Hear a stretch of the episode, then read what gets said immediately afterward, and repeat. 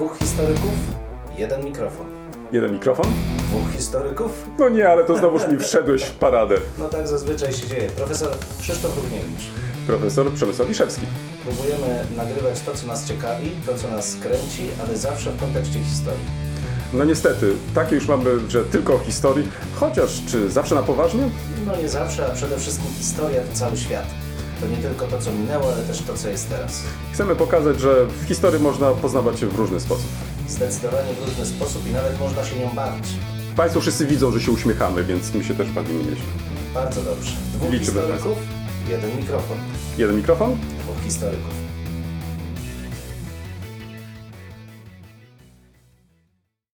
Po raz kolejny, kolego, wzruszyłem się. Pod koniec tygodnia. No ty się wzruszasz bardzo często. No właśnie, nie potrafię tego wytłumaczyć. Targają mnie jakieś różne uczucia. Opowiedz nam o nich. Nie, nie będę ci opowiadać, bo się wstydzę trochę. Nie wiem, czy w ogóle mogę o takich intymnych rzeczach opowiadać. Że człowiek, który na zewnątrz przynajmniej powinien być suchy, stanowczy, zdecydowany, od czasu do czasu ma takie chwile słabości. No dziader z kolegi. no dobrze, no, to, to już jak mnie tak wywołujesz do tablicy, to ostatnio, proszę Państwa, mm, namiętnie słucham rosyjskiego rocka. Nigdy nawet bym się nie spodziewał, że, że zwrócę na to uwagę. Tym bardziej, że są to kolejne utwory antywojenne i być może dlatego. Jest bardzo ciekawy, tak na marginesie, kolego, jest bardzo ciekawy artykuł w Gazecie Wyborczej na ten temat. Jeśli pozwolisz, a jeśli nie czytałeś, to odeślę cię do tego artykułu. Ale o tym, co słuchasz, jest ten artykuł? Że ty słuchasz, to, to jest. Nie, tak? nie o tym, Nie? co słucham, tylko. A. Nie, nie o tym, co słucham, tylko tam znajdziesz. Tam znajdziesz e, wykaz tych właśnie zespołów, które w ostatnim czasie w swoim repertuarze mają takie antywojenne pieśni. Nie wiem, czy wszystko ci się będzie podobać, chociaż znając twoi, twój gust, to, to, to, to, to, to wiesz, to, to nie są marsze, naprawdę. I to nie są też takie melodie grzeczne. To są takie, bym powiedział, z takim mocnym uderzeniem. Podobała mi się przeróbka Bella Ciao, e, ukraińska. Mhm. I podobało mi się, no, czy to może nie, może mniej, ale też ciekawa Kiev Calling, e, jako nawiązanie do London Calling, The Clash. Więc e, ciekawe. Natomiast ja jestem stałym fanem Desertera. Myślę, że ci, co znają, wiedzą. I wojna, jeden z elementów piosenki z takim mało kulturalnym zakończeniem, jest e, stałym elementem koncertów tego zespołu, więc absolutnie mogę wysłuchać także i tych e, przeróbek, chętnie po nie sięgnę i zobaczę, czym mój kolega się emocjonuje. Nie, nie, nie, nie, nie, zaraz, zaraz, zaraz. Jedną rzecz musimy tutaj ustalić. To nie są przeróbki, to nie są nawet jakieś tam odesłania do już znanych ci Mhm. utworów, tylko Mm. to, to są oryginalne utwory O. rocka rosyjskiego, o, antywojennego. Także y, co najwyżej y, nie y, oglądaj tych teledysków w nocy, bo możesz się przestraszyć. I później będą ci się śniły jakieś koszmary. Ostatnim oryginalnym rockmanem to był Jan Sebastian Bach, cała reszta to przeróbki, ale dobrze, posłucham. A teraz y, jeszcze jedno pytanie a propos dezertera. Sprawdzałeś, nie, ile nie ma już dezerter wejść na Nie, nie. A bo każde ciekawe. wejście Dobra. się liczy. Dobra, To dobra, też jest dobra, forma zbierania szukał, pieniędzy. Ale... Hmm? No, A widzisz? Aha. dobrze, obaj jesteśmy dziadersami, to, to trzeba sobie szczerze powiedzieć, także luz. Pewnie cię zaskoczyłem, że kolega też słucha dezertera od Tak. czasu do czasu. To najwyższy czas przejść jest. do następnej części. zaraz, zaraz, pomyliłem się dźwięki, My się przetoczyli chyba, panie kolego. No, pewien prawda? oś czasu Tak, się tak, nie nie, nie, nasmarowała ewidentnie. Poczekaj, wiesz co, Nie, to było dobre, ja bym to zostawił. Tak, tak, to jest ta właśnie odpowiedź, to jest ta właśnie odpowiedź No na nasze zainteresowania muzyczne. nie nasmarowana oś czasu, mój Boże. Ale co zrobić? No dobrze, mam nadzieję, że następnym razem uda się włączyć Okej. e, właściwą muzykę. No dobrze, kolego, to przechodzimy do naszej stałej części, Hmm. tym razem drugiej. Nowinki, starowinki.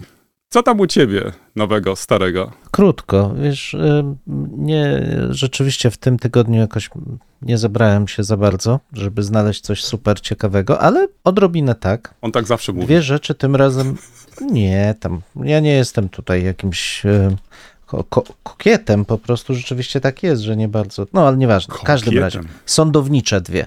Dwie sądownicze nowinki, starowinki. E, Jedna rzecz pochodzi z początku e, XIII wieku i mowa jest o sędzim, który no, nie do końca spełnił swój obowiązek. Zbrodnia była, przestępstwo było, a, on no, nie wypełnił swoich obowiązków wobec sprawiedliwości. No i jak myślisz, jaka kara go czeka za to? Mm, No nie wiem, no pewnie musi coś zapłacić. Mm, no widzisz, tutaj Czy pozbawiono prawo- go wręcz urzędu? A nie, prawo było bardzo proste wtedy. Ja uważam, że takie nawet powiedziałbym całościowe. Mianowicie Ścięto mu głowę. zacytuję. No nie, aż tak źle to nie. Chociaż niekoniecznie, Oto, bo zobacz.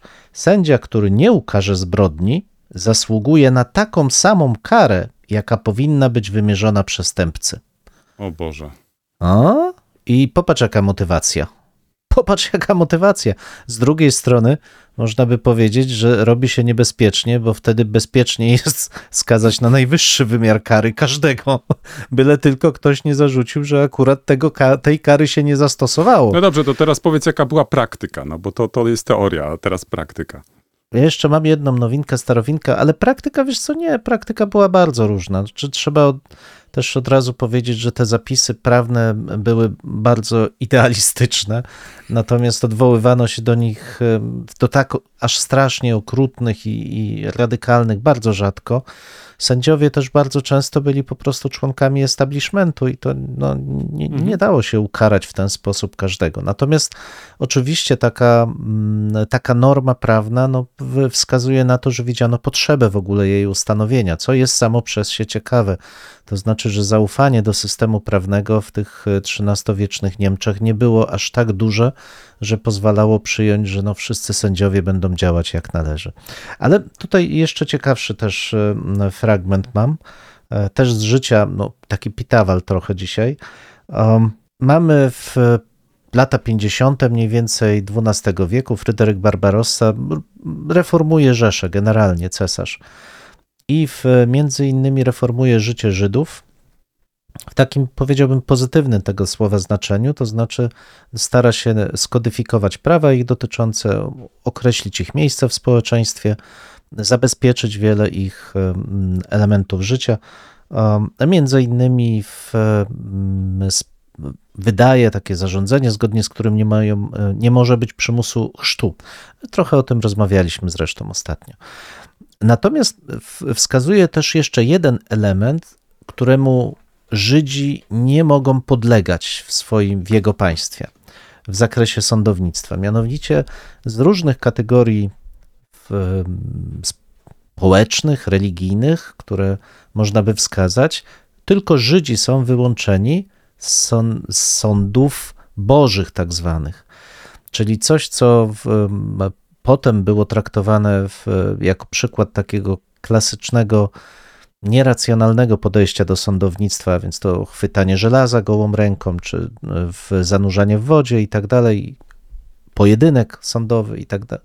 Wszystkie te elementy, które miały wskazywać wolę Boga, w, który wskazuje poprzez zachowanie człowieka, jego ciała, kto jest sprawiedliwy, a kto nie, nie mają mieć zastosowania do Żydów. Oczywiście z jednej strony ma to uzasadnienie teologiczne, no bo oni nie są chrześcijanami, a więc e, no, wola Boga wobec nich nie może zadziałać w ten sam sposób, ale też czysto praktyczne. No po prostu, jeżeli e, wiemy i wiedzieli też o tym średniowieczni, że te sądy Boże często miały charakter zupełnie nieracjonalny i służyły temu, żeby tak zwanych podejrzanych po prostu pognębić, utopić, em, sprawić, że przestaną funkcjonować w sposób naturalny, czyli umrą, no to należało się od tego, się przed tym zabezpieczyć. I to ustawodawstwo e, jest e, o tyle ciekawe, że pokazuje tą podwójną twarz średniowiecza, to znaczy z jednej strony głęboko teologiczną, ale z drugiej strony wbrew pozorom bardzo racjonalną. No i tyle ciekawostek z Pitawala średniowiecznego. No, niestety nie będę mógł nawiązać tutaj do twoich przykładów, bo moje przykłady z sądownictwem niewiele mają wspólnego, chociaż jakbym może tak się zastanowił, może można byłoby tak trochę i naciągnąć. No dobrze, ale teraz do rzeczy. Pod koniec tygodnia, e, być może mm, czytałeś, wiesz, a na pewno ci chyba coś wysłałem. Odsłonięto w Oławie, czyli nieopodal mojego miejsca zamieszkania, nowy mural poświęcony Ukrainie. Bardzo ciekawe rozwiązanie.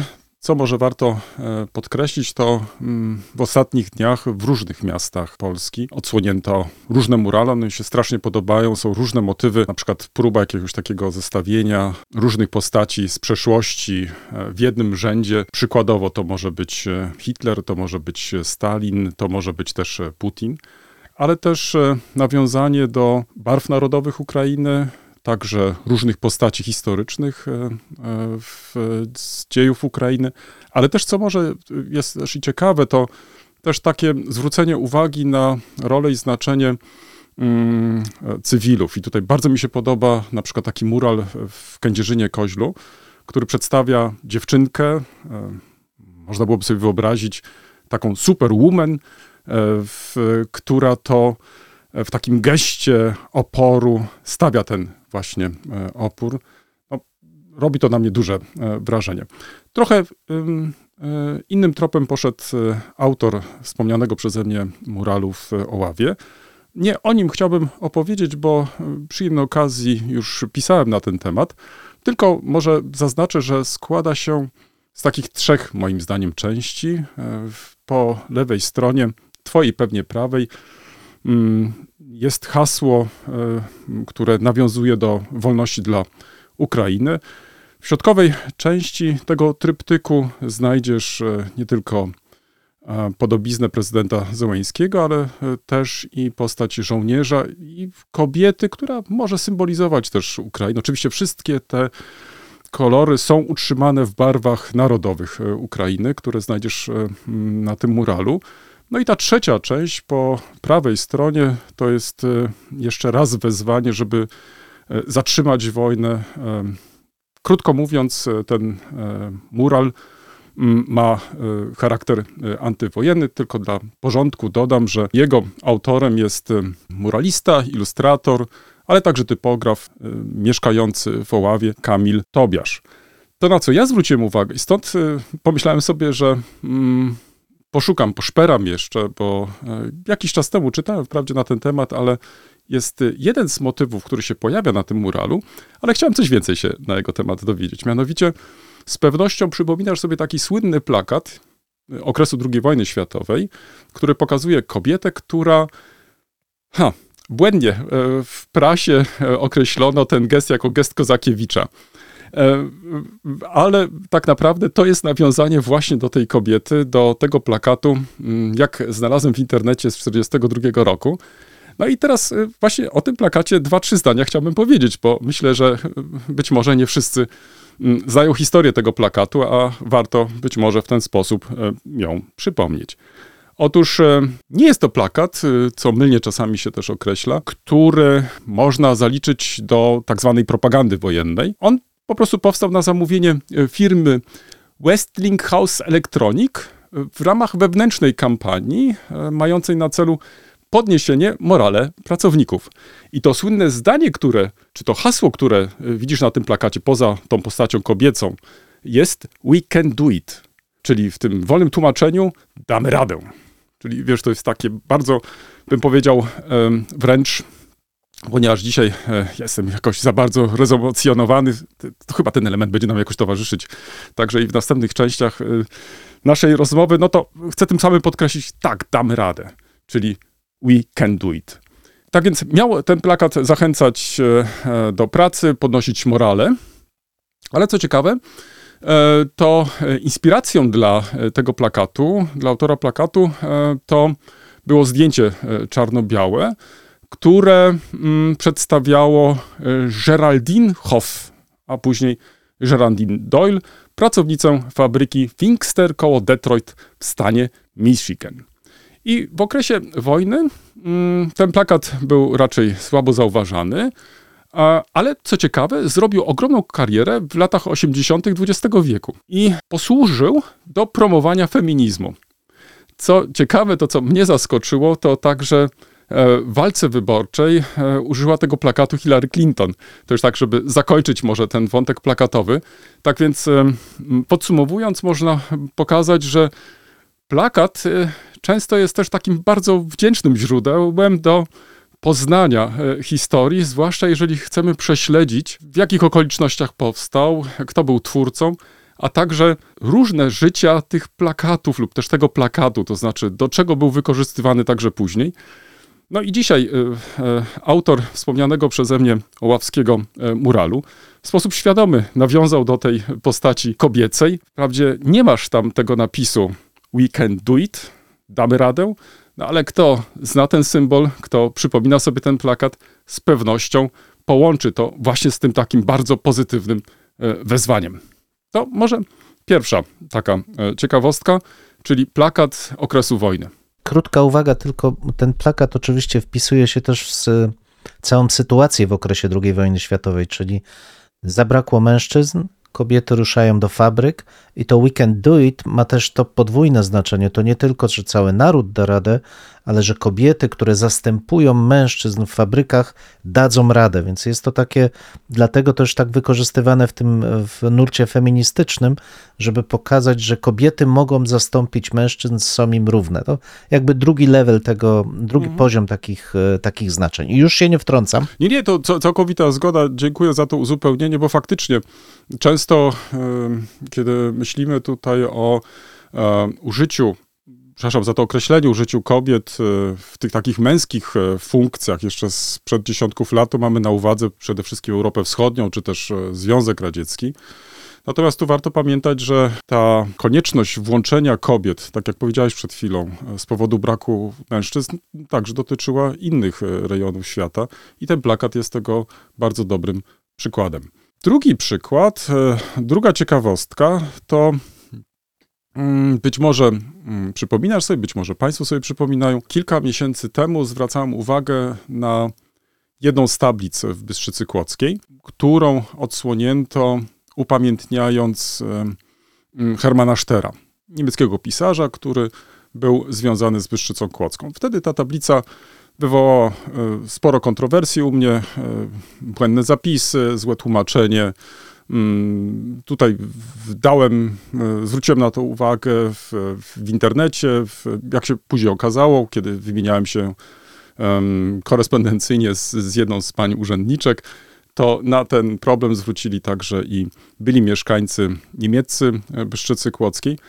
Teraz, kiedy e, wracałem z krótkiego pobytu pod koniec tygodnia mm, u teściów, e, zatrzymaliśmy się e, krótko w Byszczycy Kłodzkiej. Pomyślałem, że to jest dobra też okazja, żeby, bo wiedziałem, że tablica została podmieniona, żeby podejść tam i mm, obejrzeć to miejsce. No i faktycznie muszę przyznać, że mm, miasto tutaj stanęło na wysokości zadania i podmieniło tablicę i teraz tablica ta nie budzi moich e, już e, wątpliwości. Em, Wspominam o tym też dlatego, żeby pokazać, że mm, ważną rzeczą jest e, krytycznie czasami spoglądać też na to, co robimy. Ja wprawdzie mam nadal pewne problemy, jeżeli chodzi o upamiętnienie Hermana Sztera, ale rozumiem, że z punktu widzenia e, tej społeczności lokalnej jest to ważna postać. E, Życzyłbym sobie w przyszłości, gdyby obok tej tablicy, albo nawet na tej tablicy, umieszczono mm, kod QR, który pozwalałby coś więcej dowiedzieć się o samym Hermanie Szterze, o tym, jak on jest dzisiaj oceniany przez e, koleżanki i kolegów e, germanistów. W jednym z tekstów, e, który pisałem ostatnio na ten temat, dałem kilka przykładów tego, jak germaniści dzisiaj postrzegają tą postać. Nie jest to postać jednoznaczna, ale tutaj z tym wiąże się to właśnie bardzo ciekawe pytanie, to znaczy, co możemy wybierać sobie z tego rezerwuaru historycznego, nazwijmy to nie naszej historii, czy tej historii, którą przyjęliśmy niejako. I mnie się wydaje, że no, historia jest jedna i ma te i pozytywne, i negatywne strony, ale do nas, do współczesnych, kiedy nawiązujemy do tej historii, do postaci, do wydarzeń, należy przede wszystkim zwrócenie uwagi no właśnie, na to, co budzi kontrowersję lub też nie budzi kontrowersji. Jeżeli jest to postać, która e, godna jest tego, żeby ją upamiętnić, nawet jeżeli jest postacią kontrowersyjną, to myślę, że warto byłoby także i o tym coś więcej napisać. Stąd też e, z jednej strony bardzo się cieszę, że ta tablica została poprawiona, z drugiej strony mam nadzieję, że przyszłości pojawi się więcej informacji o Hermanie Szterze i nie będzie to e, kolejny jakiś punkt w programie, który trzeba zaliczyć, zwiedzając e, właśnie to miasto, tylko że skorzystamy z tego, że być może także to miejsce zostanie w przyszłości objęte w jakąś ścieżką edukacyjną, Także zwiedzając być może z, e, z uczniami, czy też e, z osobami zainteresowanymi, będziemy mogli coś więcej dowiedzieć się na temat Hermana Sztera. To tyle z mojej strony. Ha! Udało się. Yes. Tym razem właściwa muzyka zagrała. Przechodzimy do lektur? No, Tak, do lektur. tak, lektury. Okej, to, to ja zacznę, bo ty skończyłeś e, w sensie poprzednią sekcję, nie, że tak w ogóle. Trzy rzeczy, e, dwie z poprzedniego roku, nawet jeszcze starsza jedna, a jedna z e, tego, nawet na dniach. 2019 Wrocław Wołów Historia Miasta. O, proszę bardzo. O, Taka, region, taka reg- regionalna ciekawostka. E, Pod redakcją dobrze nam znanego Edwarda Czapiewskiego i Rafała e, Nowakowskiego, wydawnictwo Chronikon, też dobrze nam e, znane. E, Historycy wrocławscy przygotowali chyba rozszerzenie, bo wydaje mi się, że ta książka już e, była raz wydana, a to jest e, jej druga wersja, ale niestety nie ma tutaj takiego stwierdzenia, więc nie będę w, w samym e, w samej stronie redakcyjnej, więc nie chcę tutaj jakby tworzyć legendy. W każdym razie bardzo ciekawe e, opracowanie e, wielu znamienitych autorów, bo w Leszek Ziątkowski za nowożytność odpowiedzialny, Stanisław Rosik za średniowiecze, Artur Błażejewski za okres e, starożytny, tak to ujmijmy. Struktura klasyczna, podział chronologiczny, więc można by powiedzieć nic e, no, specjalnego w tej e, konstrukcji, ale co przykuło moją uwagę, to bardzo obszerny rozdział autorstwa Rafała Ismonta Urbanistyka, architektura, sztuka, miasto i okolice, zmiany na przestrzeni wieków. I rzeczywiście bardzo ciekawe opracowanie, bo o ile te wcześniejsze rozdziały są no, ciekawe dla, z punktu widzenia historyka dziejów lokalnych tej części Śląska, ale dość standardowe, jeśli chodzi o swoją, e, o swoją konstrukcję i treść. Natomiast to, co proponuje Rafał Eismont, jest e, no, takie ożywcze, bo pokazuje on kształtowanie się pewnego świata wyobraźni, świata kultury w niewielkim miastu, mieście, stolicy księstwa, ale powiedzmy sobie szczerze, Wołów dużym miastem szczególnie nie był i wielkiego znaczenia nie odgrywał. Natomiast e, funkcjonowanie obok Lubiąża i powiązanych z nim fundacji, obecność kla- opactwa jako takiego centrum kulturowego rzeczywiście i w samym mieście, i w jego okolicach wytwarzało zupełnie inną e, taką strukturę, siatkę kulturotwórczą. Więc bardzo, bardzo ciekawe e, opracowanie, dużo nieznanych, dużo nieznanych źródeł opracowań z zakresu historii e, kultury profesora Eismont nam tutaj przytacza. E, Warto przeczytać książka bardzo gruba, bardzo ciekawy materiał ikonograficzny do wszystkich w zasadzie mm, do wszystkich w zasadzie części. No ta, tak jak mówię, ja nie jestem może takim zwolennikiem tych bardzo klasycznych monografii, takich z ducha DTSK, a, a ta monografia ma taki charakter z dużą dominacją treści z okresu po 1945 roku, ale mimo wszystko uważam, że zwłaszcza ze względu na to opracowanie profesora Eismonta warto po nią sięgnąć. To jest jedna rzecz. Druga rzecz to ja fantastyczna... Przemku, czy mogę Mhm. y, y, Tak, tak. wejść w słowo? Pewnie. Wspomniałeś tutaj o mm, monografiach DTSK. Nie wiem, czy nasi słuchacze A, wiedzą, co Tak. to są monografie DTSK, bo to myślę, tak trochę używamy kodu dla wrocławskich historyków, Tak. jest to coś oczywistego. tak, tak. Już, warto ju- byłoby tutaj już to poszerzyć. spieszę z wyjaśnieniem. Dolnośląskie Towarzystwo Społeczno-Kulturalne, mm, chyba najstarsze, jak dobrze pamiętam, z tych towarzystw, które powstały lo- lokalnych, regio, regioznawczych, tak można by powiedzieć.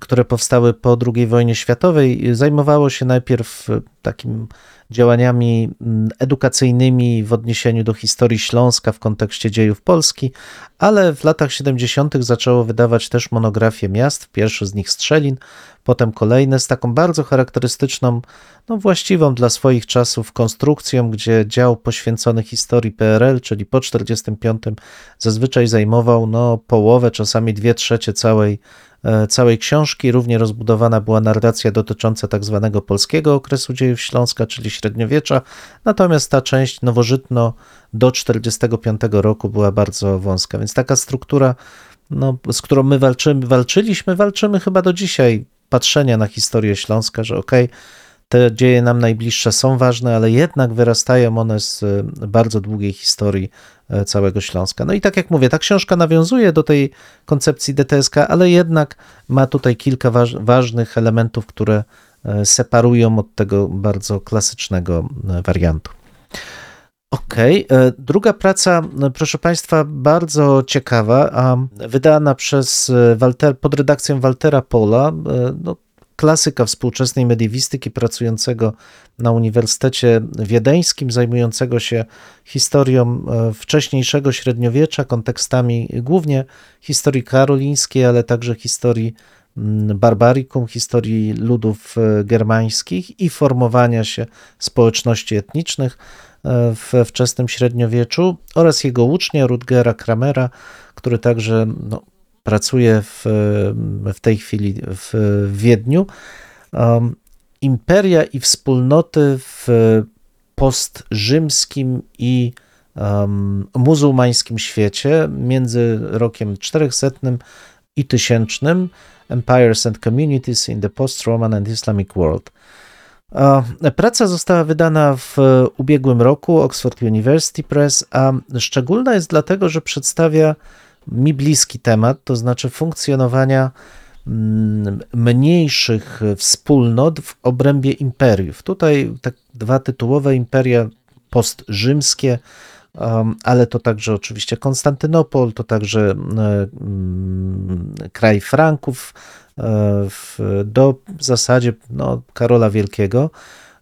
Więc y, dość szeroko, e, dość szeroko tutaj rozumiane relacje zachodzące między tymi mniejszymi społecznościami regionalnymi, miejskimi, e, obejmującymi biskupstwa, ale także wspólnoty religijne, nie tylko w kontekście chrześcijańskim, ale także tego wszystkiego, co działo się w świecie e, islamu, w, pokazują fantastyczny rezultat takich szerokich analiz, to znaczy możliwość porównania ze sobą tych dwóch e, porządków, co pozwala z kolei na wykluczenie takiego determinizmu religijnego, to znaczy stwierdzenia, że aha, no bo mamy pewną religię i ta religia narzuca nam porządek społeczny i w związku z tym te procesy przebiegają tak, a nie inaczej. Studia zebrane tutaj pokazują, że w, no, nie da się takiego determinizmu zastosować relacje bardzo kruche między społecznościami lokalnymi, społecznościami regionalnymi, a imperium występują w bardzo podobnych rozwiązaniach, jeśli można tak powiedzieć, zarówno w tym świecie postrzymskim, jak i na terenie świata muzułmańskiego, choć są pewne różnice, ale znów one nie wynikają wcale z kwestii religijnych. I tam e, słusznie zwraca się uwagę, że jedną z takich różnic ciekawą jest znaczenie hmm, organizacji mm, reprezentacji, czy takiego assembly, takiego po, polityki reprezentacji, polityki um, uzgadniania pewnych rzeczy, która występuje na terenie postrzymskim, głównie w środowiskach germańskich, które wzmacniają pewne tożsamości. Natomiast czegoś takiego brakuje w społecznościach tych z terenu islamu i tam stawia to pod znakiem zapytania bardzo często. Zresztą spójność tych tożsamości regionalnych, bo po prostu one nie mają takich więzi komunikacyjnych, jakie zapewniają takie e, reprezentacje. Ale to nie jest e, jakieś, jakieś znowu prawo bezwzględne, bo jak świetnie pokazano na przykładzie Akwitanii chociażby, w obrębie tego geograficznego regionu Akwitanii nigdy nie wystąpiło jakieś, um, jakaś wspólnota, jakiś parlament czy protoparlament akwitański, który by wzmacniał tą tożsamość regionalną, a mimo to ona funkcjonowała. Świetnie, kilkanastu, kilkunastu naprawdę wybitnych autorów pokazuje, w jaki sposób imperia muszą radzić sobie ze wspólnotami niższego rzędu, właśnie regionalnymi, lokalnymi, jak um, wy, jakby wy, wy, nie wiem jak nawet ładnie ująć, w jaki sposób emancypują się te lokalne wspólnoty i doprowadzają do upadku tych imperiów. Jak mhm. dialektyczna jest zależność między kontrolą ze strony imperium, tego centralnego punktu odniesienia, a funkcjonowaniem niezależnych, półniezależnych, słabo zależnych regionów i wspólnot lokalnych dla przetrwania, dla przetrwania samej idei imperium niezmiernie ciekawe, ciekawe studium, aczkolwiek ma tę samą wadę, jaką możemy wskazać dla wielu innych zbiorów, to znaczy są to, jest to zestaw e, takich e, case studies, no i jak to w tym przypadku bywa, no nie wszystkie nie wszystkie elementy, procesy da się odpowiednio uzasadnić, ale jeśli ktoś chciałby w skrócie przynajmniej, bo no książka ma swoje 300 kilkadziesiąt stron, jeśli chciałby w skrócie się zapoznać e, z wnioskami, polecam Concluding Thoughts, nawet nie Remarks, tylko Thoughts, Chrisa Wickhama, który bardzo ładnie podsumowują, e, podsumowują ten wywód. I zwracam uwagę też na bardzo ciekawe, i to polecam, w zasadzie chyba nawet powinni z tego skorzystać głównie studenci. Um, trzy pierwsze, y, trzy pierwsze um, artykuły. Y, najpierw y, Hugh Kennedy'ego o powstaniu nowych hmm, organizmów politycznych po upadku kalifatu Abbasydów, potem Waltera Pola również o powstaniu nowych organizmów politycznych, ale po upadku zachodniego cesarstwa i Petera Weba taką polemikę z obiema, z oboma e, autorami e, Fragmentation and Integration, a Response to the Contributions by Hugh Kennedy and Walter Paul świetny materiał do pokazania, jak powinna wyglądać polemika, jak powinien wyglądać dyskurs na najwyższym poziomie takim e, warsztatowym. Z absolutnym zachwytem to czytałem. I ostatnia już rzecz, e, bo obiecałem koledze, że sięgnę po e, jeden z podcastów, zresztą dobrze Państwu znanych, Podcasterix. Kilkokrotnie chyba przywołaliśmy już to świetne świetny podcast e, nauczycielski, nauczycieli, e, nauczycieli historii. Tym razem odcinek specjalny, czyli zapis, może skrót webinaru poświęconego mm, nauczaniu historii Ukrainy we współczesnej, czy w realiach współczesnej szkoły polskiej, oprócz samych autorów podcastu udzielają się tutaj goście, profesor Tomasz Stryjek z Instytutu Studiów Politycznych PAN oraz Tomasz Hen Konarski z Instytutu Historii y, PAN, podcasterix, odcinek specjalny Jak uczyć, żeby nie dzielić. I rzeczywiście oddaje to główną ideę tego, y, tego odcinka, czy da się w ogóle uczyć historii Ukrainy w polskich realiach, nie wprowadzając jeszcze głębszych podziałów, czy w ogóle podziałów między Polaków i Ukraińców. Nie będę opowiadał całości, ale są rzeczywiście goście, reprezentują ciekawe, ciekawe poglądy, bo są jednocześnie nauczycielami w szkołach, ciekawe mm, sposoby na to, w jaki sposób zaszyć tą historię relacji polsko-ukraińskich w stosunkowo niewielkiej liczbie godzin, która jest przeznaczona na nauczanie historii, e, gdzie no, no nie da się po prostu wydzielić kolejnej historii bo taki postulat padł, że jest bardzo mało historii Ukrainy w kursie historii w szk polskiej szkole, no ale jest bardzo mało historii Francji, paradoksalnie, a już w ogóle nie ma prawie historii Afryki, więc moglibyśmy tu wymyślać, czego jeszcze nam brakuje. Natomiast bardzo ciekawy był postulat, żeby zaszyć jakoś właśnie te elementy nie, nie sztampowe, nie kolejne wojny XVII wieku, ale relacje polsko-ukraińskie, zwłaszcza dwudziestowieczne, żeby pokazać je z nieco innej strony. I tyle z moich lektur i słuchań w tym tygodniu. Bardzo ciekawe, trochę z zazdrością przysłuchiwałem się tej relacji, mm, bo, bo widzę, że miałeś kupę czasu. No, ja jakoś tego czasu nie miałem, co nie znaczy, że nie Bo wiesz, sięgnąłem... pan minister mi podarował. że nie sięgnąłem do takiej czy innej publikacji. Jeśli pozwolisz, to kilka zdań na ich temat. No, może paść za chwilę zarzut, że, że, że jestem jakiś taki monotematyczny, ale myślę, że czasy, w których teraz żyjemy, same trochę narzucają nam e, różnego rodzaju tematy. Jedną z publikacji, na którą zwróciłem uwagę, to obszerny esej, być może znanemu ci, autora Bazyla Kerskiego, pod tytułem Gdańsk, Bagdad, Berlin oblicza mojej polskiej e, tożsamości i solidarności, przy czym mojej polskiej jest w nawiasie i solidarności również w nawiasie. Zwróciłem na tą publikację uwagę z kilku powodów. Jedno, jeden z nich to um, byłem bardzo ciekaw, jak um, autor pisze o swojej tożsamości. To znaczy, jest to temat, który stale nam się jakoś tam przewija, a zwłaszcza dzisiaj, kiedy e, jesteśmy konfrontowani z, e, no, z już dzisiaj no, tysiącami e, uchodźców. Zastanawiamy się też, jak to było w przeszłości z uchodźcami, jak to jest dzisiaj, jakimi doświadczeniami możemy się nawzajem dzielić. I tutaj ten esej pokazuje świetnie to, o czym y, często zapominamy, że w naszym kraju żyją osoby, które mają często e, doświadczenie uchodźcze z różnych okresów naszej historii. I właśnie do takich osób należy Bazyl Kerski, który jako dziecko Irakijczyka i Polki znalazł się w Polsce, uciekając, e, rodzina uciekając e, przed e, reżimem Husajna, a następnie do tej Polski powraca. To znaczy, nie jest to też taka historia, bym powiedział, z, do końca z happy endem, to znaczy w tym sensie z happy endem, że Bazyl Kerski w końcu się odnajduje ponownie w Polsce, ale jest też przecież i etap pobytu w Berlinie Zachodnim, a następnie e, znów w Polsce. I dla mnie ciekawą rzeczą jest e,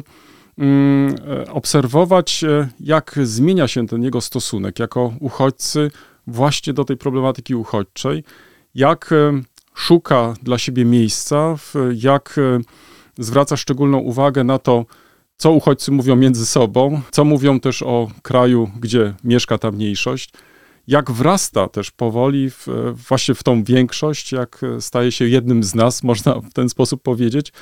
Um, ale mimo to stale i przy różnych okazjach, e, m, zwłaszcza w, przedstawiciele niektórych ugrupowań nacjonalistycznych, wytyka mu właśnie tą obcość. To znaczy, mimo e, wielu już dziesiątków lat spędzonych w naszym kraju, zawsze jakoś tam się za nim to bycie obcym się pojawia, ale co ciekawe, nie pojawia się w kontekście um, szukania wartości. To znaczy, że to przecież jest ogromna wartość, że można z tego doświadczenia skorzystać, że można się też nawzajem uczyć. Um, tylko wytykania, że ktoś jest obcy, że nie jest nasz, nie należy do nas. Um, ten esej jest właśnie taką próbą pokazania, że obcość nie jest czymś e, strasznym, że to jest ogromna wartość, że to jest po prostu ubogacenie też, e, myślenie w kategoriach szerszych, ale przede wszystkim to, do czego zachęca e, Bazyl Kerski, to przede wszystkim, żeby uwrażliwić na los e, uchodźców, na los obcych, taka, żeby kiedy się już znajdą wśród nas, witać ich z otwartymi ramionami, słuchać ich opowieści, często pomagać, e, ale przede wszystkim korzystać faktycznie także i z ich wiedzy, z ich doświadczenia, bo to jest ogromna po prostu wartość.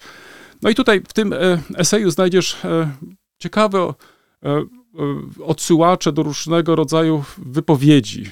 Jedną z wypowiedzi tutaj, które na przykład Bazyl Kerski przytacza, to są wypowiedzi na przykład e, Bronisława Geremka i tak dalej, którzy zwracają jeszcze raz, e, e, jak ważną rzeczą dla Europy, Europy, która była targana różnymi konfliktami, gdzie mm, wraz ze zmianami granic byli ludzie zmuszani do opuszczania swoich małych ojczyzn, że ta Europa, wydawałoby się, powinna choć raz i raz na zawsze wyciągnąć po prostu e, z tego konsekwencje. To znaczy, powinna się e, e, z tej historii po prostu trudnej uczyć.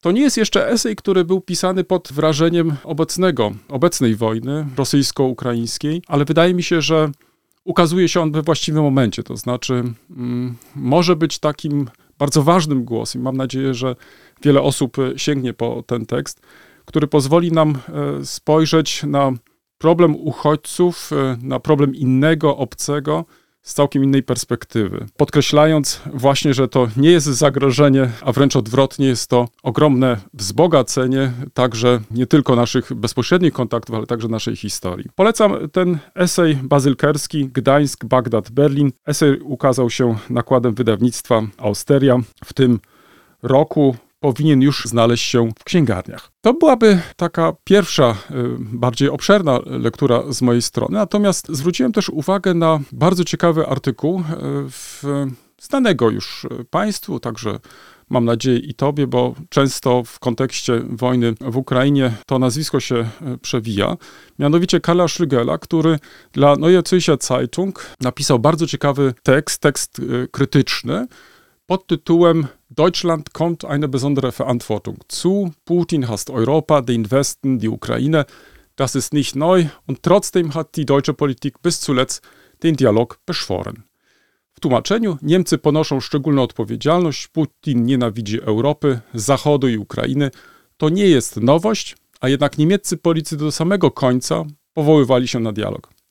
I tutaj już nawet w tytule i w podtytule masz cały program tego artykułu, to znaczy jest to takie krytyczne spojrzenie na coś, co dzisiaj często w Niemczech się słyszy, kiedy mówi się o e, polityce obecnie rządzących, że doszło do przełomu i tak dalej, i tak dalej. Autor przekonuje, że powinniśmy być e, ostrożni, jeżeli chodzi o określanie, czy coś jest przełomem, czy też nie, że powinniśmy szerzej spojrzeć na tą e, problematykę a zwłaszcza to, jaki był dotąd stosunek Niemców do Rosji, Niemców do e, Ukrainy. To, co mnie zaciekawiło w tym tekście, to też, e, co pisze Karl Schlügel, e, tak na marginesie, jeden z najbardziej znanych historyków niemieckich, zajmujących się problemami Europy Środkowo-Wschodniej, w tym i dziejów Ukrainy. W tym tekście zajął się też politykami pamięci. Na jeden fragment chciałbym szczególnie zwrócić uwagę. To już podam w tłumaczeniu. Ogrom zbrodni armii rosyjskiej popełnianych e, obecnie na naszych oczach, nie pozwala nam e, dłużej trwać w kulturze pamięci upamiętniania, która od pewnego czasu stała się substytutem konfrontacji z teraźniejszością. Nie można wiarygodnie upamiętniać ofiar okupacji niemieckiej w Kijowie, Charkowie, Odessie i milczeć o ofiarach dzisiejszej rosyjskiej wojny. Muszę ci przyznać, że e, to zdanie, które może gdy czytasz, e, a jeśli wcześniej się zajmowałeś tą problematyką polityk pamięci, to od razu e, zwracasz na to zdanie uwagę. To znaczy, ono w takim brzmieniu nieczęsto jest przytaczane e, w Niemczech. Faktycznie dotąd pomijano Ukrainę, dotąd nie myślano o Ukrainie. Ta wojna jednak zmienia wszystko, to znaczy ona unaocznia Niemcom, że mm, są jeszcze inne państwa e, w Europie Środkowo-Wschodniej, które mają prawo do samostanowienia, które mają prawo do tego, żeby tworzyć e, własne państwa, posiadają kulturę i to zmusza dzisiaj Niemców do rewizji ich całkowicie mm, błędnego przeświadczenia, że tak naprawdę tym partnerem jest tylko Rosja, a państwa, które powstały w wyniku mm, rozpadu Związku Radzieckiego, no nie powinny być w gestii, czy tam w zakresie zainteresowania Niemiec i tak dalej, i tak dalej. Dlatego też e, wydaje mi się, że i dlatego zwracam e, przy tej okazji na to uwagę w chwili, kiedy spotykasz w mediach różne zdania na temat dzisiejszej polityki niemieckiej. Wydaje mi się, że taki głos Karla Schlügela jest nie mniej ważny i warto o takich głosach też pamiętać, bo to pokazuje, że ten sposób postrzegania Ukrainy dzisiaj w Niemczech jest bardzo zróżnicowany i y, także i u naszego partnera zachodniego trwa e, duża debata właśnie na ten temat i faktycznie sporo się tam też zmienia. I jeszcze na jedną rzecz chciałbym Ci zwrócić uwagę. Nie wiem, czy interesowałeś się też tym, bo mm, na przykład to, co mnie zaskoczyło ostatnio, to ogromna ilość dzieci, która trafiła do Polski. To jest e, około 700 tysięcy. Według tych e, informacji, które dochodzą do nas, e, to okazuje się, że już 70 tysięcy z nich zostało zapisanych do polskiej szkoły. No i tutaj jest to ogromne wyzwanie dla nauczycieli, jeżeli chodzi o em, ich nauczanie. Przecież nie możemy też oczekiwać, że wszyscy z nich świetnie znają rosyjski. Myślę, że chyba nawet tylko niewielka e, część z nich ten rosyjski zna, już nie mówię o ukraińskim. Dlatego też wydaje mi się, że każde materiały, które mogą pozwolić nauczycielom, ale także i uczniom odnaleźć się w tej no, w nowej rzeczywistości szkolnej, są warte, ażeby o nich e, wspomnieć. O jednej z takich stron e, chciałbym może dwa, trzy zdania powiedzieć. E, bardzo ciekawa inicjatywa, mianowicie jest ta strona zatytułowana Biblioteki dla Ukrainy jest to inicjatywa Fundacji Rozwoju Społeczeństwa Informacyjnego. Fundacja ta zachęca do tego, żeby korzystać z tej strony. Umieszczono na niej różne praktyczne informacje, linki, wskazówki, zarówno dla tych osób, które z Ukrainy przybyły, ale także i e, znajdą tam nauczyciele w e, ciekawe materiały edukacyjne, scenariusze lekcji. Oprócz tego, co też jest e, ważne, także odsyłacze do stron z książkami, czy też audiobookami w języku ukraińskim. Mnie się wydaje, że to faktycznie mm, jest bardzo fajna pomoc, przynajmniej na początku. Mam ta, tylko taką nadzieję, że będzie ta strona dalej rozwijana, że kolejne materiały będą dochodzić. No dobrze, że e, właśnie tak szybko i w tak krótkim czasie udało się przygotować tego rodzaju materiały, z których e, mam nadzieję te dzieci będą mogły korzystać, bo to przecież w końcu nie tylko dotyczy dzieci ukraińskich, ale także i dzieci polskich, bo dzięki temu być może one także będą łatwiej mogły się porozumieć e, z koleżankami czy z kolegami z obcego kraju. E, Przy czym tutaj muszę zrobić małe zastrzeżenie. Myślę, że dzieci nie ma, miały chyba nigdy z tym problemu i bez większych kłopotów znajdują wspólny język, e, który pozwala im na wzajemną komunikację. Inną oczywiście sprawą jest to, w- jaki sposób nauczyciele na lekcjach będą następnie wykorzystywać e, ten e, fakt, że klasy będą e, wielonarodowe, że dzieci te będą miały przecież e, różne doświadczenia. No i myślę, że jest to też kapitalna okazja. Stąd też Twoja wskazówka, gdzie wspomniałeś o mm, rozmowie nauczycieli historii na temat e, tego, jak e, nauczać e, o Ukrainie, jest tutaj bardzo ważna, bo to nie jest łatwy temat. E, Często tu dochodzi jeszcze inny problem, to jest problem tego, że tak naprawdę my mamy z, z dziećmi do czynienia, które z historią Polski, z historią nawet relacji polsko-ukraińskich chyba niewiele miały do czynienia. Ja już nie mówię o tym, e, że nie miały też z polską literaturą do czynienia, które no, w krótkim czasie być może będą musiały wiele się nauczyć. Ja tylko mam nadzieję i tutaj e, liczę na to, że co do tego, że nauczyciele z dużą cierpliwością będą do tego podchodzić, to nie mam wątpliwości.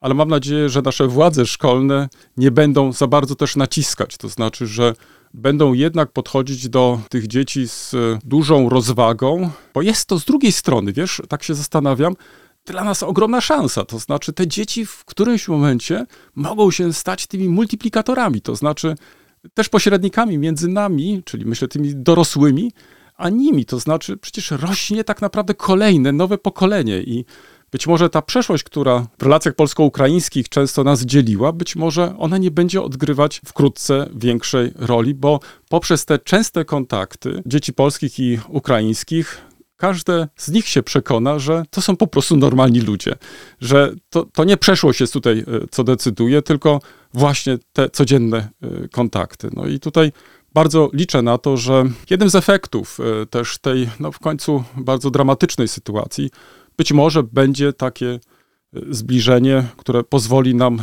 to, te, te relacje tworzyć po prostu na nowo lub też budować je na całkiem innych zasadach. Tak, tak. Znaczy ja, ja powiem szczerze, że to jest ogromna szansa i bardzo.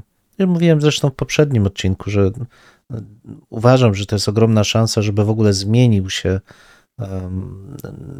zmieniło się nasze społeczeństwo, stało się bardziej otwarte i, i bardziej też związane z ideą europejską. Ja uważam, że to jest bardzo istotne. To jest wielki i bardzo trudny moment. Natomiast jestem też, powiem szczerze, wściekły na zaniedbania, jakie, zwłaszcza w zakresie edukacji, niestety ta strona organizująca, nie nauczyciele i nie dzieci, ale ci, od których należy organizacja, do których należy organizacja edukacji się dopuszczają, bo popatrz, 70 tysięcy, to znaczy, że to jest dopiero jedna dziesiąta tych dzieci, które Jedna które dziesiąta. przybyły. Mhm. W, mojej, w klasie u mojego syna w no dość dobrym, ale bez przesady liceum już jest dwójka. Znaczy przy 30 osobach w klasie jest dodatkowa dwójka osób, czyli jeśli to jest jedna dziesiąta, no to to, to to pokazuje skalę wyzwania, jakie stoi przed naszym państwem, jeśli chodzi o objęcie tych dzieci opieką edukacyjną. A ja mam wrażenie, że nasze państwo jakieś wierzy w cuda, to znaczy, że tak jak wchłonęło społeczeństwo uchodźców na razie, bo przecież tylko na razie, za chwilę ci ludzie będą musieli gdzieś mieszkać samodzielnie. Nie mogą mieszkać całe miesiące, przepraszam, że tak brzydko powiem, kątem w mieszkaniach zajmowanych przez e, rodziny. U nas, ujmijmy to szczerze, nie ma wielkiego, wielkiego nadmiaru izb wolnych. W przypadku edukacji jest jeszcze gorsza sytuacja, bo tutaj, zwłaszcza w dużych miastach, to zagęszczenie dzieci było już wcześniej bardzo duże. No i mam wrażenie, że znowu, że państwo czeka, że to szkoły rozwiążą ten problem, nauczyciele rozwiążą ten problem, może władze samorządowe jakoś rozwiążą ten problem, ale on sam z siebie się nie rozwiąże i tu powinniśmy naprawdę teraz dużo zrobić, żeby te dzieciaki właśnie objąć odpowiednią opieką, nie liczyć na to, że nauczyciele sami z siebie wykażą się wielką mądrością, bo są przemęczeni, mają swoje kłopoty, potrzebują wsparcia organizacyjnego. Ogromne wyzwanie, bardzo mocno trzymam kciuki, ale wydaje mi się, że powinniśmy też wywierać nacisk, żeby jednak organy założycielskie, a zwłaszcza państwo, głębiej i szybciej przemyślały chociażby problem matury dzieci ukraińskich, która za chwilę stanie się dla nich dużym wyzwaniem. One zdają tą maturę wcześniej, w zupełnie innym zakresie, i te dzieci, które przychodzą do naszych szkół średnich, są w zasadzie pozbawione możliwości zdania tej matury w sposób, który dawałby im szansę do kształcenia się dalej na samej Ukrainie. Jest wiele, wiele, wiele wyzwań, które stoją przed nami i myślę, że no będziemy je obserwować, a w, naszych, w ramach naszych możliwości wspierać takie rozwiązania, które będą pomagać uchodźcom. Częściowo już ten temat e, poruszyliśmy e, podczas naszych wcześniejszych e, rozmów w kontekście na przykład e, historii strachu lub też tego, jaką rolę strach e, odgrywał w dziejach e, Europy. Myślę tutaj przede wszystkim o emocjach w historii, o tym, w jaki sposób je badać, jak o nich mówić. Dla historyków historii najnowszej problem emocji jest czymś oczywistym. No, często pewnie spotkały się Państwo również z takimi dyskusjami, gdzie nad takim chłodnym osądem historyka często emocje brały górę i gdzie do końca nie można było się, przynajmniej jeżeli chodzi o historyków historii najnowszej, nie można się było rozeznać, czy chodzi tutaj jeszcze o historyka, czy też być może o polityka. Więc ta granica też jest bardzo płynna. Pytanie, które sobie w tym kontekście zadaję i chciałbym Tobie też postawić. Czy my, historycy, potrafimy z tymi emocjami jakoś żyć, jakoś e, je opisywać? e, Czy mm, wręcz można mówić o czymś takim jak emocjologii? To znaczy, czy mm, e, zajmowanie się strachem, takimi uczuciami jak miłość, wrogość, czyli wszystkie te elementy, które znajdujemy na kartach historii. Czy potrafimy jakoś sobie z tym poradzić? Czyli pytanie, które mm, to właśnie mam i które e, sobie zadaję, to jest właśnie, jak obchodzimy się z emocjami. Czy mam w ogóle pomysł, jak te emocje badać, jak się nimi też dzielić, bo, bo myślę, że zwłaszcza dzisiaj, kiedy jesteśmy cały czas e, pod wrażeniem tego, co się dzieje za e, wschodnią naszą granicą, kiedy coraz częściej zestawia się takie czy inne obrazy. One wywołują emocje, one wywołują też przecież różnego rodzaju wspomnienia. Jest to przeszłość, do której się nawiązuje, ale to jest wszystko połączone z emocjami. Jak to badać? Jak to starać się uchwycić? Jak przedstawiać? Fajne pytanie, wiesz, akurat historia emocji dla średniowiecznika czy starożytnika, w części też nowożytnika, jest rzeczą hmm, klasyczną, bym powiedział, bo tu warto od początku rozróżnić, że czym innym jest historia emocji, czyli badanie emocji w przeszłości, a czym innym są emocje historyka. Do tego je- jeszcze wrócę. Tu całkowita zgoda. bo w, akurat e, badaniami emocji jako pewnych znaków komunikacyjnych mediewiści zajmują się od lat. Barbara Rosenwein, jej, jej słynny najpierw manifest, potem książka The Younger's Past, czyli mm, w przeszłość gniewu, historia gniewu, jak, em, jaką rolę pełnił gniew w kulturach średniowiecznych, e, ale też potem pojawiająca się cała, cała duża grupa rozmaitych opracowań badających pod różnymi kątami, w jaki sposób te emocje były wykorzystywane do komunikowania, do przekazywania pewnych, e, pewnych treści.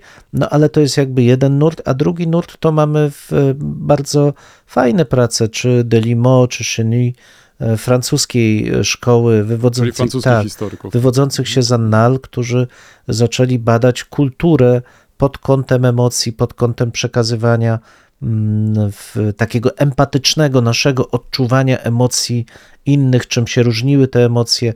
Z tego też w gruncie rzeczy wyrastało przecież Philippe Arié z jego teorią śmierci i zmiany podejścia do śmierci w strukturze kultury no, współczesnej, może XIX-wiecznej nawet bardziej i tej poprzedzających. Więc em, emocje jako taki przekaz mm, kulturowy z jednej strony, przekaz komunikacyjny z drugiej, zostały docenione jako bardzo ważny element historii już w latach mniej więcej 90., a nawet i wcześniej 70., 80. ubiegłego e, wieku. Natomiast z tym, z czym mamy na pewno duży problem, to emocje samego historyka.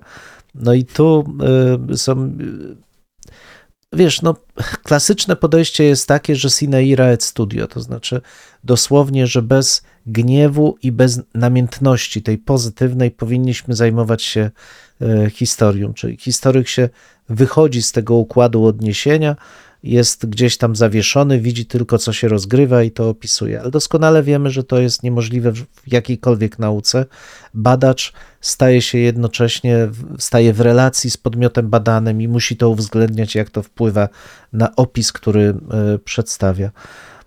No i w, w ramach tego, tych różnych przewrotów, które miały miejsce w szeroko rozumianym em, nurcie, przepraszam, wezmę w cudzysłów postmodernistycznym, czy może raczej nieklasycznym, kwestia emocji, przyznawania się do emocji, definiowania tych emocji przez autora, przez historyka, odgrywała też dużą rolę, bo miała ona za zadanie też wprowadzić czytelnika w naturę tej narracji, bo odkąd stwierdzono, że to, co przedstawia historyk, to jest narracja, jedna z wielu możliwych, a nie jakby znowu ta obiektywna prawda, to zaakceptowano także i to, że tą narracją też mogą sterować emocje, mogą wypełniać emocje autora. Więc autor powinien przedstawić te emocje, żeby czytelnik wiedział, z czym ma do czynienia. Czasami to przybiera karykaturalne y, postaci. Ja nie jestem do końca zwolennikiem takiego trochę narcyzmu, trochę ekshibicjonizmu, bo w gruncie rzeczy książki potem sprowadzają się, czy opracowania, jak ja odczuwam historię. Guzik mnie to obchodzi, jak ty odczuwasz historię. Przepraszam bardzo. Jeżeli piszesz pracę naukową, to spróbuj zastosować do niej warsztat taki, żebyś uzyskał ten język w miarę obiektywny, bo to jest Twoje zadanie jako naukowca zbudować most między Tobą, przeszłością i Twoim e, czytelnikiem. Natomiast emocje i to, jak my odbieramy emocje, możemy akcentować, ale nie tak, żeby zdominowały tą narrację, bo to jest kwestia już literatury, biografistyki, autobiografistyki, zupełnie inne gatunki. Więc teraz, jak wyznaczyć tą granicę między takim, przepraszam, ekshibicjonizmem emocjonalnym, e, zgodnym jakoś chyba z nurtami współczesnej kultury też, bo ja nie mogę otrząsnąć się z takiej informacji, że na jednym z portali społecznościowych wielką modę odgrywa przedstawianie siebie, jak się płacze. Że filmuje się siebie, jak się płacze i to jest bardzo popularne. No, nie. Ja jestem dziaders, ja tego nie rozumiem. A z drugiej strony, jak w, zarysować te realny, ten realny wpływ naszych emocji na naszą narrację naukową. Jak nie popaść w jedną skrajność, czyli mówienie o sobie jako o w pełni obiektywnym, ale z drugiej strony, jak nie dać się w pełni subiektywizować w swoich narracjach. Bardzo ważne pytanie, ja nie mam na nie odpowiedzi. Zwróć uwagę, że emocje często też wpływają na nasze wybory, e, chociaż e, nie do końca się przyznajemy. To znaczy, ja nie znam e, historyka albo historyczkę, która wybierając swój temat, podchodziłaby do niego, lub też on, lub też ona, w sposób taki beznamiętny, mm, bez jakiegoś takiego nawet poczucia, że, że zajmuje się e, ważnym tematem, lub też e, chce mm, coś ważnego przekazać. Mnie się wydaje, że tutaj trudno też e, tak mm, w sposób, bym powiedział, taki chirurgiczny, sterylny, to po prostu oddzielić. No bo w innym przypadku to, to właściwie mielibyśmy do czynienia z jakąś taką mechaniczną formą przedstawienia tylko przyszłości, jeżeli taka w ogóle będzie możliwa. No, problem tutaj sztucznej inteligencji, ja nie wiem, być może e, po części jest to ta przyszłość, że za chwilę będziemy z, może zastąpieni przez jakieś maszyny. Potrafisz sobie coś takiego wyobrazić? Nie, no- Sterylny. No, no właśnie, z chirurgicznym skalpelem, przecięcie, wiesz, prze- i tak Przepraszam, dalej. że przywołam nazwisko Benon Miśkiewicz. No i jego podręcznik metodologii historii, przecież to było przerażające. Tego się nie dało nie, ty, nie tyle zrozumieć, bo zrozumieć to Ale- akurat, ale czytać. I właśnie do tego przepraszam, tylko króciutko powiem, że w związku z tym, dlatego, że narracja historyczna jest opowieścią, musi zawierać ten element emocjonalny, kończę. Nie, nie dlatego, że masz kończyć, tylko zwróć uwagę, chciałem ci podrzucić inne nazwisko i pokazać, że można jednak ciekawie pisać o bardzo złożonych e, tematach. Przykładem takim jest Jerzy Topolski. Jeżeli sięgniesz po wcześniejsze prace z metodologii e, wspomnianego historyka, a, no nie wiem jak ty, ale, ale no nie była to łatwa lektura, może tak to może sformułuję. Natomiast jeżeli e, sięgniesz po ostatnie jego prace, to to się naprawdę czyta. Na przykład ta książka o narracjach jest kapitalna. Wiesz, raz, że jest świeża, odkrywcza i czyta się ją naprawdę z wielkim zainteresowaniem. Więc nie wiem, być może to jest kwestia też pewnego dystansu, wieku, takiego też krytycznego trochę spojrzenia na to, co się robiło, albo pewnych mód. No, ale też, Pewnie róż, też powiesz, że to być może jakaś moda jest. no, różnych paradygmatów. Też kiedy powstawał podręcznik Topolskiego, no to taki obowiązał sposób pisania podręczników. Natomiast ja absolutnie nie neguję, no wręcz nawet powiem, że potwierdzam, że te wielkie dzieła historyczne są wielkie, bo czuć przez nie emocje. One są pisane w sposób emocjonalny, ale nie są zawłaszczane przez autora. Znaczy, autor nie wylewa się swoim ego na karty swojej książki, ale potrafi przekazać tą miłość do przedmiotu, to zainteresowanie, tą radość, jaką sprawia mu pisanie książki. Filip Brodel i jego historia średniowie, śr- Śródziemiomorza, trzy grube tomy z różnych perspektywy pisane. Wspaniała książka. Jednym tchem kilkaset stron można e, pochłonąć. E, No, tu można przytaczać kolejne nazwiska. Natomiast rzeczywiście w momencie, kiedy wchodzimy w pewien o, obowiązkowy sposób narracji, jak w przypadku podręcznika Topolskiego. Ja nie wiem, czy on sam wierzył w to, co pisał tak do końca, ale podobno tak.